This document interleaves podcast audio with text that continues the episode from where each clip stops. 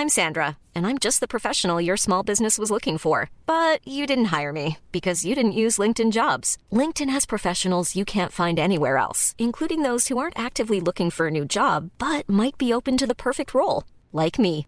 In a given month, over 70% of LinkedIn users don't visit other leading job sites. So if you're not looking on LinkedIn, you'll miss out on great candidates like Sandra. Start hiring professionals like a professional. Post your free job on linkedin.com/people today.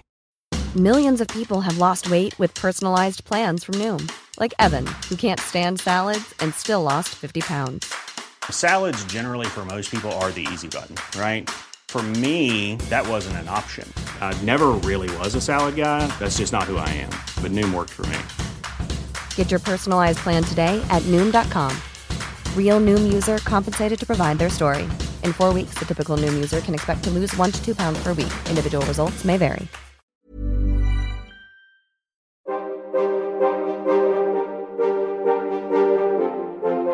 Oudheid is fascinerend. Een enorme puzzel waarvan we stukjes hebben. En heel veel stukjes ook niet. Al op de basisschool trokken de verhalen over het oude Egypte, de Romeinen, Griekse mythen, het oude China en het onderzoek naar al die oude culturen en mensen me als een magneet naar zich toe. En ik wil meer. Graag neem ik, Timo Epping, je in deze podcastserie mee op reis naar het verre verleden.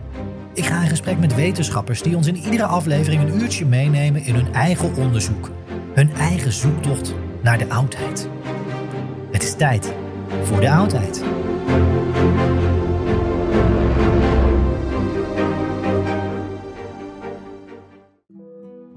In Leiden sprak ik met Dr. Hugo Koning over Hesiodus en een van de twee werken die we met zekerheid aan hem toe kunnen schrijven: de Theogonie. De link naar die aflevering vind je in de show notes.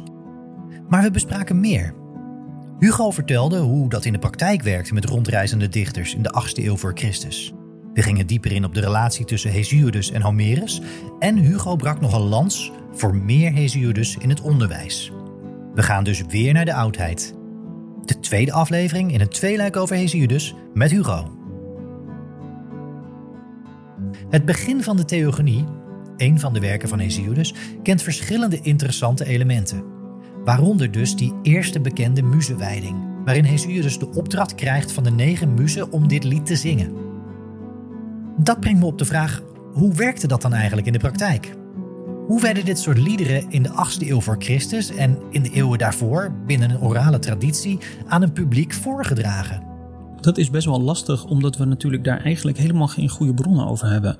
De uh, Grieken zelf bijvoorbeeld, hè, die dus over die dichters schrijven, die hadden dat volgens ons dan ook al niet meer helemaal helder hoe dat precies zat. Dus als we het hebben bijvoorbeeld over de vijfde eeuw, en uh, voordracht van epische poëzie in de vijfde eeuw, dus, dus wel al een stukje later, dan zien we dat die hele praktijk al is veranderd. En uh, die gedichten van Hesiodus, maar ook bijvoorbeeld van Homerus, die hebben dan al een soort vaste vorm. Wij weten niet precies wanneer dat is gekomen. We denken een beetje in de zesde eeuw. Uh, misschien aan het eind van de, uh, van de zesde eeuw. Maar die gedichten zijn dan al, zou je kunnen zeggen, gefossiliseerd. Die zijn al ook soort van heilig geworden. En dan zien we zogenaamde rhapsoden, beroepsvoordragskunstenaars, die van stad tot stad gaan en dan bepaalde stukken van bepaalde epen voordragen. Dus je kunt dan bijvoorbeeld zeggen, uh, zo'n kunstenaar gaat dan naar een bepaald festival uh, in bijvoorbeeld Athene of maakt verder niet uit uh, waarheen. En dan vraagt hij aan zijn publiek, nou wat zouden jullie nou eens willen horen? En dan kan het publiek zeggen, nou doe maar het duel tussen Achilles en Hector. Of doe maar de thuiskomst van Odysseus enzovoort. En dan kan hij gewoon lekker uh, beginnen.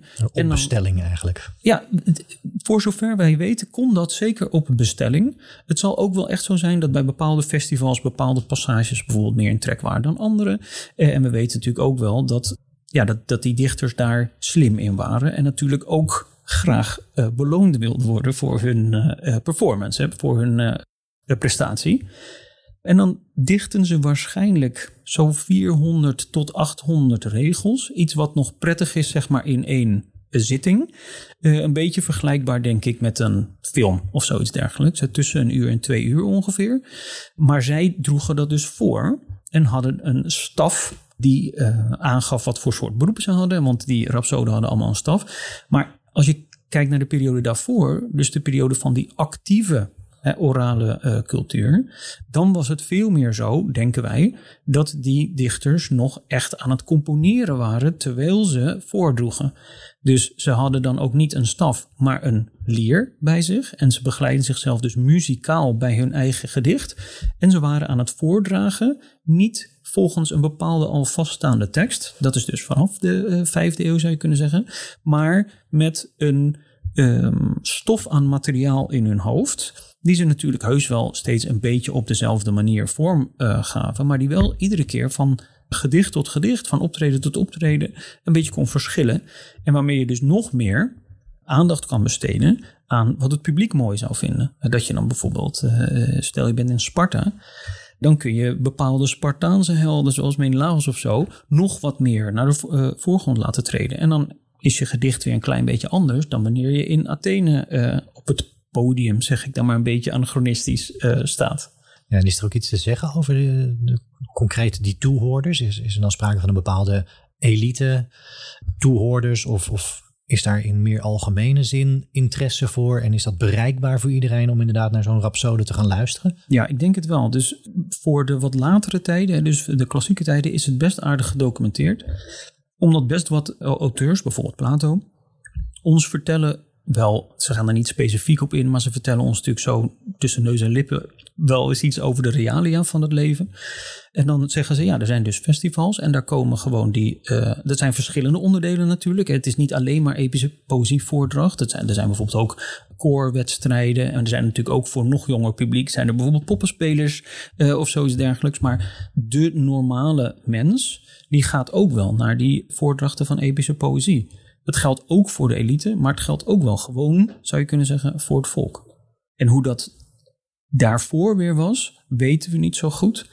Er zijn wel mensen die beweren dat bijvoorbeeld Homerische poëzie vooral zou, zou, zou zijn voorgedragen aan de hoven van belangrijke vorsten of andere uh, elite. Maar dat weten we eigenlijk niet zo zeker.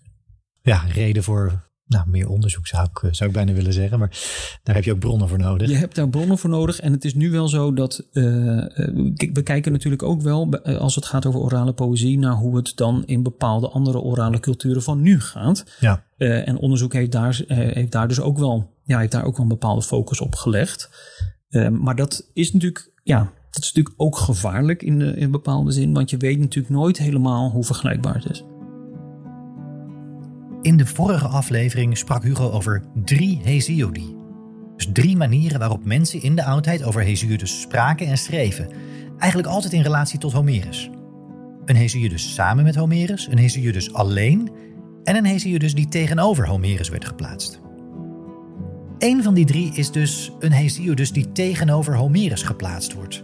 Alsof ze met elkaar in strijd zijn. Een opvallende tekst uit de Romeinse tijd, in dit geval de tweede eeuw na Christus, is wellicht illustratief voor dat type Hesiodus. De strijd tussen Hesiodus en Homerus. Ja, dat is een heel bizar verhaal. Dat, eh, dat Kertamen Homeri et Hesiodi heet het. De strijd tussen Homerus en Hesiodus. Dat is een soort... Ja, ik denk, ik, ik denk dat het een soort oefening is of een soort van uh, interessante voorstelling van zaken. Uh, van, uh, inderdaad, dus de versie die we hebben, die is tweede eeuw, zoals je terecht zegt, maar helemaal, het zal wel teruggaan nog een heel stuk eerder naar vierde eeuw voor waarschijnlijk. En in die uh, in dat geschrift, helemaal niet zo'n heel groot geschrift, wordt, het, wordt met het idee gespeeld dat Homerus en Hesiodus het tegen elkaar hebben opgenomen in een zangwedstrijd. Dat is helemaal niet zo'n heel gek idee, omdat ze dus ongeveer tijdgenoten waren. En we weten dat uh, dichters natuurlijk heel vaak wedstrijden tegen elkaar deden. Um, en hier worden ze dus gepresenteerd als inderdaad tegenpolen die in een wedstrijd met elkaar uh, zitten. Er is een jury bij, er is een publiek bij. Um, en de hele tijd is het zo dat het er een beetje op lijkt dat Homerus gaat winnen. Uh, omdat hij namelijk uh, mooier en soepeler dicht vooral dan uh, Hesiodus. En Hesiodus, ze doen al verschillende spelletjes. Dus bijvoorbeeld Hesiodus begint een vers dat Homerus dan moet afmaken. En dat doet hij steeds op een hele geniale manier. Waardoor het publiek de hele tijd zegt hoera voor Homerus, om even zo te zeggen. En die, die joelen en die applaudisseren uh, na iedere ronde. En dan is uiteindelijk, blijkt dan, als de jury dan het definitieve oordeel mag uh, vellen, want kennelijk is dat dan de bedoeling. Er is net zoals bij songfestivals, heb je zeg maar een, een, een, een publieksoordeel en je hebt een juryoordeel. En een juryoordeel, dat is dan toch belangrijker op de een of andere manier. En die zeggen, ja, het is allemaal leuk hè, en Homer is een heel grote dichter, maar Hesiodus krijgt onze prijs. En dan is het criterium kennelijk niet uh, dichterlijke vaardigheid of zoiets dergelijks, maar het criterium is dan dat Hesiodus over vrede dicht. En Homerus eigenlijk alleen maar gedichten heeft geschreven waarin het gaat over oorlog en strijd. En dan krijg je, dat is dus inderdaad een heel veel gehoorde tegenstelling tussen die twee dichters. Je hebt Hesiodus die schrijft over, in die werken nagelang vooral, over het boerenbedrijf. En allerlei tips geeft over nou ja, hoe je welvarend kunt worden. Terwijl Homerus, weten we natuurlijk in zijn Ilias en Odyssee ook heel veel schrijft over oorlog. Of dat is eigenlijk misschien wel een van de hoofdthema's in zijn, uh, in zijn werken. En dan zie je dus ook dat in dat Kertamen, in, dat, in die voorstelling van een clash tussen twee hele beroemde dichters, er een beetje wordt gespeeld met de vraag: wat, is nou eigenlijk, wat zijn nou eigenlijk de juiste criteria om een gedicht of om een dichter te beoordelen? En heb je dus bijvoorbeeld technische vaardigheid of uh, schoonheid van bepaalde versen of de vaardigheid van een bepaalde dichter om zijn publiek mee te nemen hè, naar een andere tijd of zoiets dergelijks. En aan de andere kant gewoon puur, wat is nou eigenlijk een beetje de morele boodschap? Of wat is nou eigenlijk een beetje de inhoud van zo'n werk? En, kan, en is dat ook een criterium? Nou, kennelijk is dat zo. En hier is het dan even het doorslaggevende criterium. Nou, interessant. Ja, ik vind dat Kertamen super interessant. Ja. Eh, en ik denk dat het gewoon een beetje een oefening is in kijken naar waarop kunnen we dichters zoal beoordelen. We kunnen denk ik wel stellen dat het werk van Hesiodus veel minder bekend is dan dat van Homerus. Hesiodus komt eigenlijk zelden tot nooit aan bod in het huidige onderwijs. Leerlingen die zich op Griek storten op de middelbare school vertalen en lezen geen Hesiodus.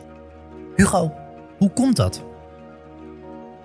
daar is die gewoon ook weer door Homerus weggeduwd. Dus in de oudheid al zien we vanaf, laten we zeggen, eh, de zesde eeuw voor tot en met de vierde eeuw na een soort van beweging. En er zijn allerlei redenen voor, waardoor uh, Hesiodus eerst nog wel een beetje, zou je kunnen zeggen, op hetzelfde, dezelfde hoogte stond misschien als Homerus. Maar hij wordt steeds meer en steeds verder weggedrukt vanwege waarderingsontwikkelingen in de oudheid zelf al. En dat is eigenlijk gewoon helemaal doorgegaan tot nou ja, middeleeuwen, renaissance enzovoort, tot, tot gewoon nu. Dus daarom denk ik dat we Homerus lezen op school en niet Hesiodus. Dat is jammer. Uh, ik, ik, denk dat je ook heel mooi uh, Hesiodus zou kunnen lezen. Zeker bepaalde passages zijn denk ik ook zeer geschikt voor, voor het onderwijs. Aan de andere kant is het natuurlijk ook weer zo, op middelbare scholen, net zoals op universiteiten, is er beperkte tijd. Dus als je in de drie jaar van de bovenbouw een stukje Grieks wil lezen, hè, waar leerlingen blij van worden en waar docenten blij van worden, ja, dan moet je een keus maken. En dan ga je dus waarschijnlijk voor het stukje epische poëzie toch Homerus lezen. Want je moet ook nog uh, een stukje tragedie doen bijvoorbeeld. En je wil eigenlijk ook nog wel een beetje Herodotus lezen en misschien nog een beetje Plato. Dus het is nogal druk in dat curriculum. En dan denk je misschien toch, ja, Hesiodus. Ja, als ik nou moet kiezen tussen Hesiodus en Homerus, dan doe ik toch maar Homerus. Ja. ja. En, en doe je dan met name ook weggedrukt in, in grammaticale zin?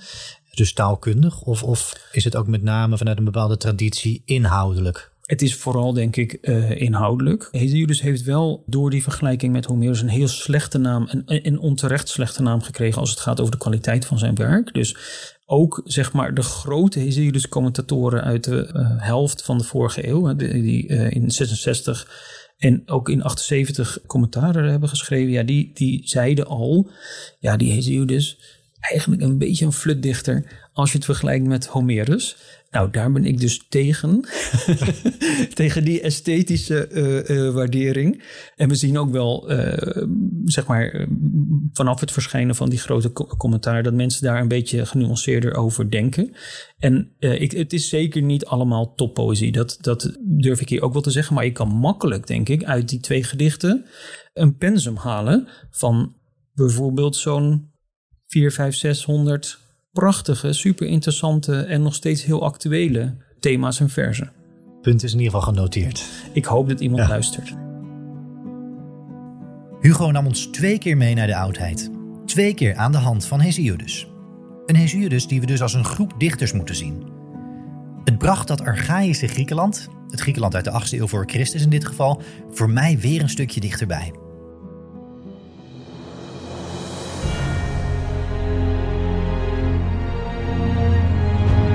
Dank je voor het luisteren naar De Oudheid, de podcast over het verre verleden. En wil je meer oudheid? Vergeet dan niet om de podcast te volgen daar waar jij podcast luistert. Iedere nieuwe aflevering verschijnt dan automatisch in je feed. Likes en reviews worden uiteraard gewaardeerd en vergeet vooral ook niet om de podcast met iedereen die jouw interesse deelt te delen. Heb je ideeën of suggesties voor de podcast? Mail dan naar info@eppingproductions.nl.